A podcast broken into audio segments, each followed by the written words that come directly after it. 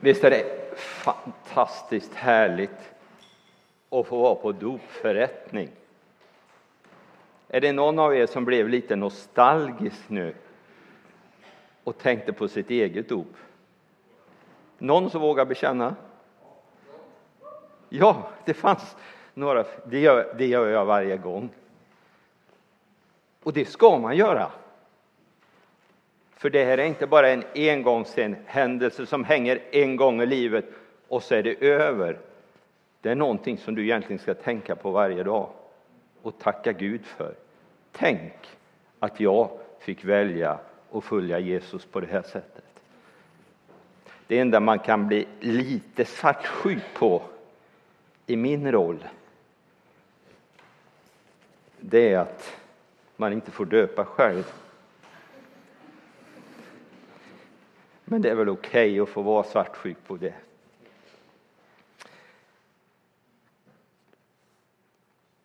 Det bloggas väldigt mycket. Det finns poddar överallt. Det skrivs mängder, massor med texter. Alla kanaler har sina partiutfrågningar, partiledardebatter, radio, tv och tidningar som sänder tv och allt möjligt.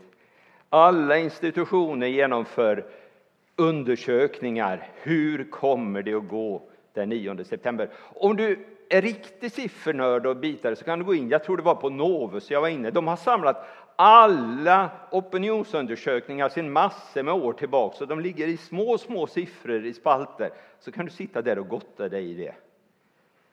Upp och ner för partierna. Höger och vänster. Eh, är du inte riktigt säker på hur du ska rösta, eller ja, den nionde, senaste nionde då. Om du är osäker så finns det ju på ett antal tidningar sådana här 30 frågor och du vet vilket parti som gäller för dig. Fru Olsson gjorde det i höstas, tror jag det var, hemma. Och när slutresultatet kom så var det till munterhet för resten av familjen. Det var nog det alternativet vi sist hade trott att de skulle rösta på. Det är ditt parti.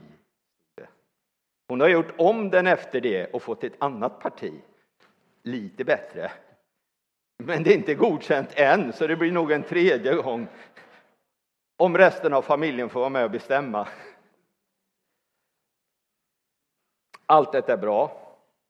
Vi är lyckligt lottade som bor i Sverige, ett demokratiskt land. Och egentligen så vill jag bara säga i början, uppmuntra dig och ta vara på alla de här möjligheterna. Uppmuntra dig att gå och rösta den här veckan eller senast på söndag. Det är en rättighet som många skulle drömma om att de hade. Som kanske majoriteten av världens befolkning inte har. Som för oss är en självklarhet. Ta vara på det. Imorgon 18.30 så har vi en gemensam utfrågning av partierna i Pingstkyrkan Jönköping. Det är församlingarna i södra Vätterbygden som har bjudit in till det. Huvudfrågorna är existentiell hälsa, miljöfrågor, samverkan mellan det civila samhället och det officiella samhället eller det politiska och integration. 18.30 i Pingstkyrkan i Jönköping. Välkommen imorgon kväll. Förhoppningsvis lite annan touch och lite andra frågor än bara budgetfrågor, rädda välfärden. Det har inte ni gjort, det har vi gjort, hurra vad vi är bra. Och lite annan touch på det. Välkomna på den utfrågningen. Jag har valt ett bibelord, en text som jag ska läsa för dig. Med tanke på att det är val, men jag kommer inte att beröra valet. Men så här lyder texten hämtad från Matteus, det sjätte kapitlet, med början på vers 25. Och det finns några frågeställningar i den, eller utmaningar. Därför säger jag er, Bekymra er inte för mat och dryck att leva av eller för kläderna att sätta på kroppen. Är inte livet mer än födan och kroppen mer än kläderna? Se på himlens fåglar. De sår inte, de skördar inte och de samlar inte i lador. Men er himmelske fader föder dem. Är inte ni värda mycket mer än det?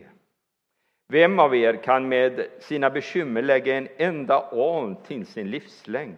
Och varför bekymrar ni er för kläder? Se på liljorna hur de växer. De arbetar inte, de spinner inte. Men jag säger er att inte ens Salomo i all sin prakt var klädd som en av dem. Om nu Gud ger sådana kläder åt gräset på ängen som idag finns till och imorgon stoppas i ugnen, skall då inte ha kläder åt er, ni trosvaga? Gör er därför inga bekymmer, fråga inte vad ska vi äta, vad ska vi dricka, vad ska vi ta på oss? Allt sådant jagar hedningen efter. Men er himmelske fader vet att ni behöver allt detta.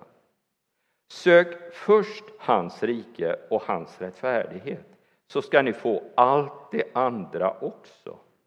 Gör er därför inga bekymmer för morgondagen. Den får själv bära sina bekymmer. Var dag har nog av sin egen plåga. Amen. Tack Jesus att du har gett oss det här bibelordet. Tack att du har någon tanke med när du uttalade första gången för snart 2000 år sedan. Ett av dina absolut största tal som du höll, Herre. Men tack att vi tror att det är relevant 2018 i september också, Herre. Amen. Jag fastnade i uttrycket Sök först hans rike. Eller sök först Guds rike, översätter någon det med. Och sen har jag slitit lite grann med den där meningen, för den fortsätter ju. Så ska ni få allt det andra också. Och ibland så tänker jag så här att vi använder de där uttrycken i kyrkan alldeles för ytligt. Ja, men bara du söker Gud så löser allting sig. Bara du sätter Gud först så är allting klart och allting är perfekt. Det kan bli slentrian, det kan bli klyschor, det kan nästan bli som ett litet omega-3-piller eller, vita prov eller någonting. När vi sett reklamen. Och jag började med vita prov och jag fick ett helt nytt liv och jag har inte ont någonstans och jag kan göra allt som jag inte kunde göra förr. Jag tror inte det är så och jag vill inte att det ska vara så. Det jag söker i den här bibeltexten när jag läser den och det jag funderar över, det är ändå den där djupa, grundande förtröstan på att det lönar sig att söka Gud. Det lönar sig att sätta Gud först och den tillfredsställelsen. Bibeltexten, som jag tolkar den den här gången, talar om två saker egentligen. Ett, gör er inga bekymmer. Och två, sök först hans rike.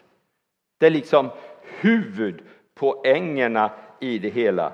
Gör er inga bekymmer och sök först hans rike. Och de två ska jag hålla mig kring några minuter. Texten säger inte att du inte, att du inte kommer att möta bekymmer. Det säger den inte. Tvärtom. Den säger att du kommer att möta bekymmer. Den tar till och med i Jesus som säger var dag har nog av sin egen plåga.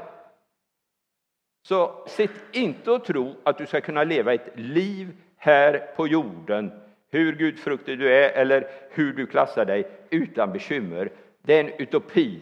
Det finns inte. Glöm det. Att leva, att vara människa, innebär att möta bekymmer. Att handskas med bekymmer. Varje dag har nog av sin egen plåga. Det är bara att konstatera. Och jag funderar på, det här är alltså min första vecka efter semestern. Så det är en sån här, ja, jag vet inte vad det är. Om det är ångest eller om det är glädje, det, det ska jag avgöra nästa vecka. Men någonstans så upptäcker jag mitt i den här veckan, jag jobbar tisdag, onsdag och torsdag ganska hela dagar från morgon till kväll. Och så sitter jag och summerar de dagarna efteråt när jag funderar på den här bibeltexten.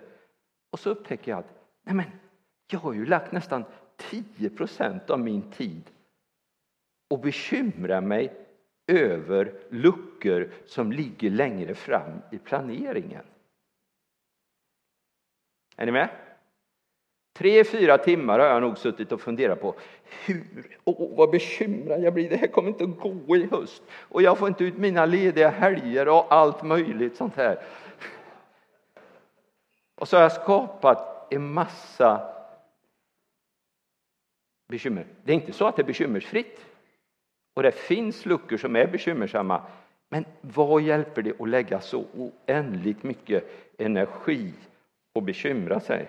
Och så har jag slängt ut lite frågor och faktum är att nu börjar de att fyllas luckorna efterhand så här. Utan mitt bekymmer.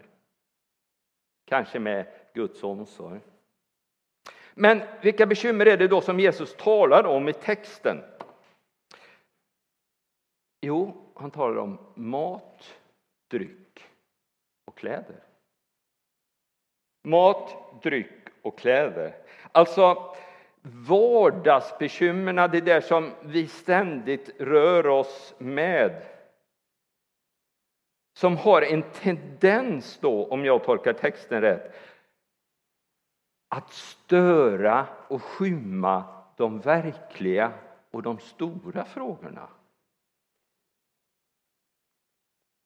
Ytan skymmer djupet som vi bottnar i.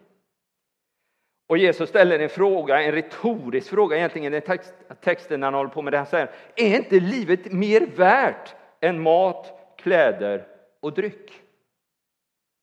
Är inte livet mer värt, säger han till dem. Ni är i bekymmer för det, men är inte livet mer värt? I vår tid och nu resonerar jag utifrån ett välmående västland med enormt hög levnadsstandard kan det faktiskt kännas ibland som mat, dryck och kläder är huvudfrågorna.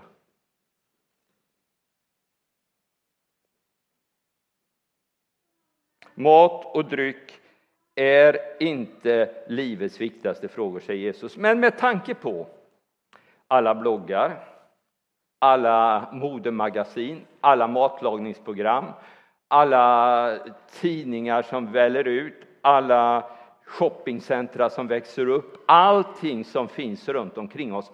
Är inte det livets stora fråga? Jag är jättelycklig idag. Jag var i Göteborg förra veckan. Ni hörde ju att jag förlorade med sju sekunder till Zacke. Var det någon som hörde det? Sex sekunder var det bara. Ja, det närmar sig. Nästa gång är det bara fem. och så gick vi på stan och då gick jag in på Timberland mittemot domkyrkan och hittar en skjorta för halva priset. Och den har jag idag. Det är livets tillfredsställelse. Den var väl inte så tokig? Standard, sa Elisabet, du har åtta redan likadana hemma. Och det har jag. Men ibland blir det här så väldigt stort. Så det riskerar att skymma de verkliga frågorna. Naturligtvis, om du frågar mig, så säger jag nej, det är inte viktigt att ha en Timberland-skjorta. Det är inte viktigt att ha Levi's jeans. Det är inte viktigt på något sätt. Jag är inte alls fast i det här. Det säger vi. Men om jag sätter mig ner och räknar tid, pengar, tankemöda, surftid. Då känner jag ibland att jag hamnar väldigt nära den gränsen Att det blir en stor fråga i förhållande till de tre frågorna Zacke sa till konfirmanderna. Bönen, Bibeln och församlingen. Och ändå säger Jesus i sammanhanget, gör er inte bekymmer för det där.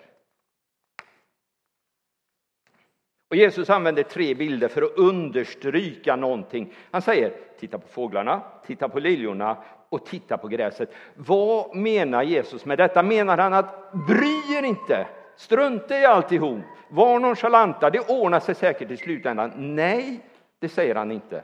Det ligger inte huvudpoängen. Huvudpoängen ligger i att den Gud som du och jag tror på, han sörjer faktiskt för mer än vad vi tror i våra liv.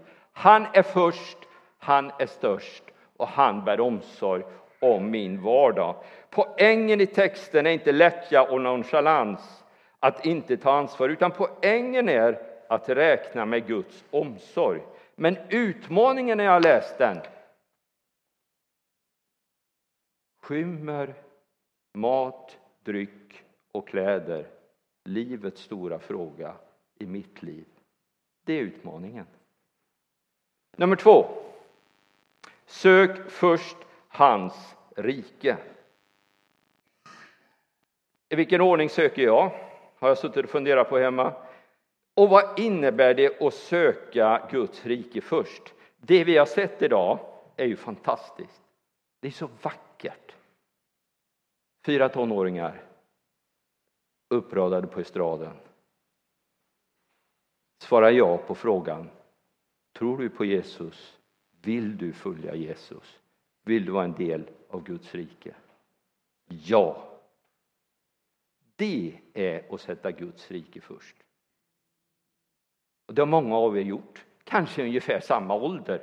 Och sen har det runnit mängder med vatten under broarna. Timme har lagts till timme, dag till dag, år till år. Och helt plötsligt så ramlar håret år av och man blir gråhårig och man försöker att piffa upp sig med Timberland-skjorta och Levi's jeans och allt möjligt.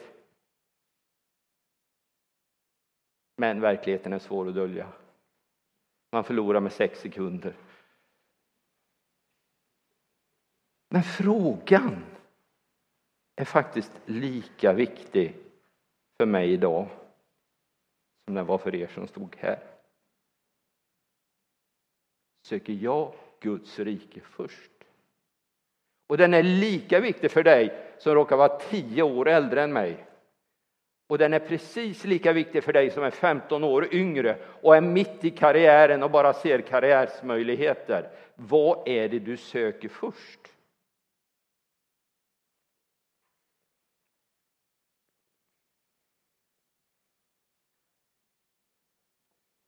Vi behöver inte konfrontera frågan i första hand från ett feltänkande som vi ofta gör, tycker jag. Åh, det har gått så snett i livet, nu måste jag söka Gud. Då blir allting så negativt, utan tvärtom.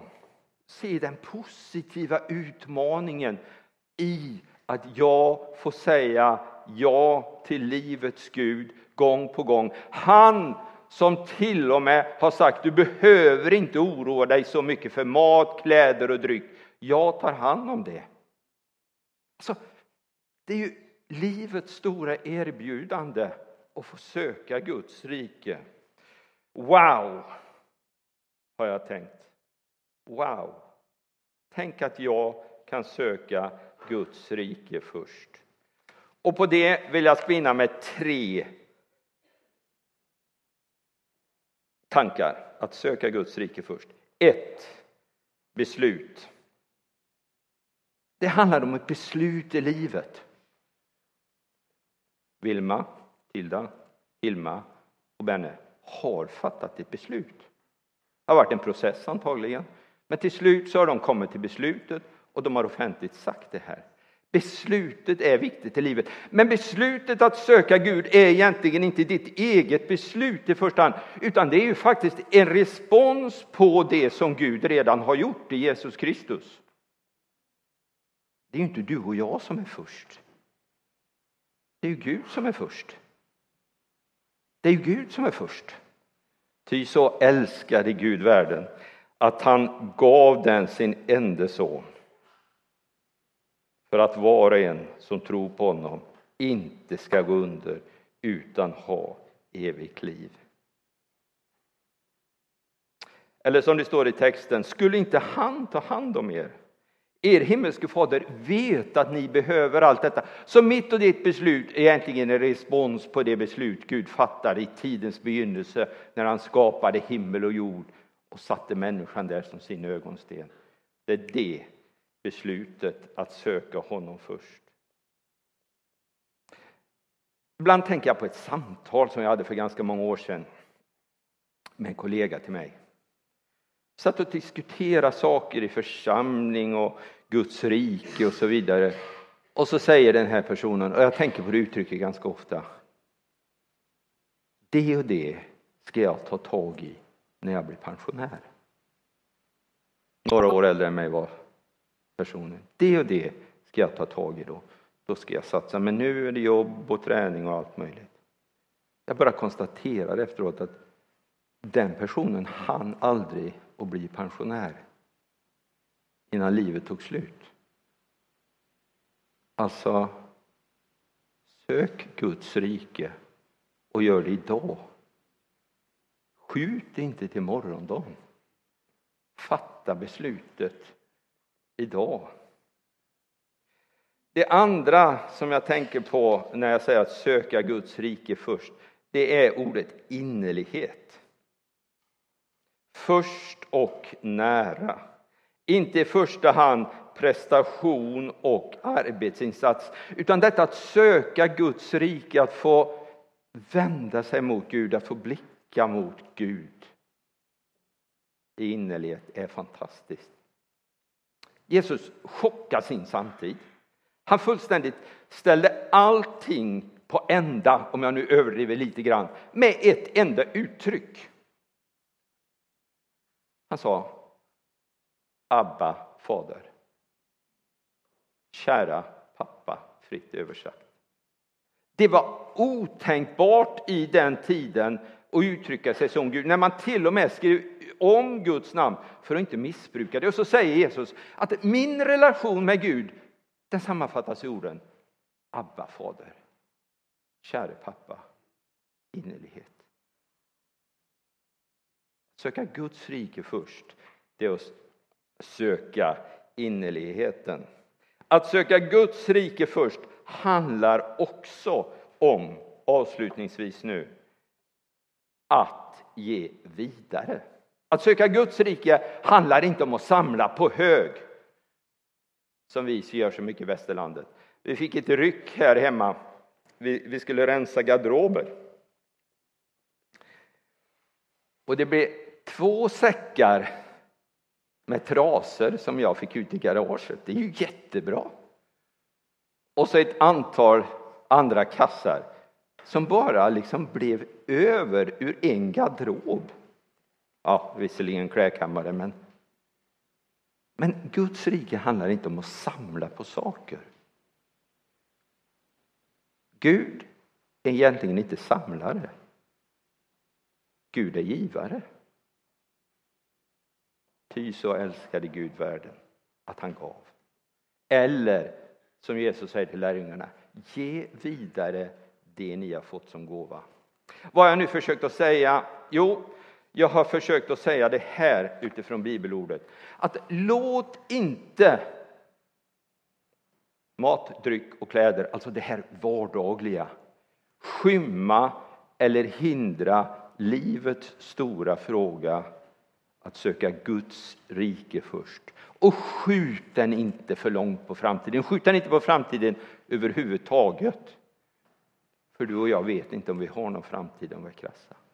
Vi hoppas om det och vi drömmer om framtiden. Och jag har så mycket planer när jag sitter och dricker min kaffe och fantiserar hemma. Men jag vet ju inte om jag kommer att förverkliga dem. Men jag vet en sak. Att när inbjudan går ut om en stund, vi ska be för dopkandidaterna, så har jag också möjlighet att söka Guds rike och sätta Gud först i livet. Amen.